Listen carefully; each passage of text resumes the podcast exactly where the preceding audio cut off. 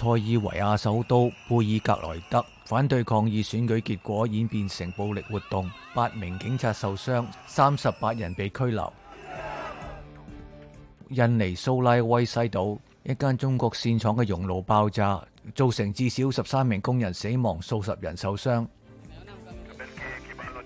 以色列战机袭击咗黎巴嫩真主党嘅基础设施，海陆空三军继续喺加沙进行联合作战。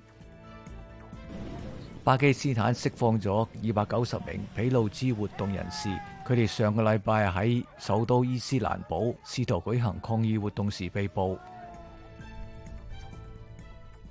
一架因為人口販賣調查而喺法國停飛嘅包機，定於星期一飛往印度。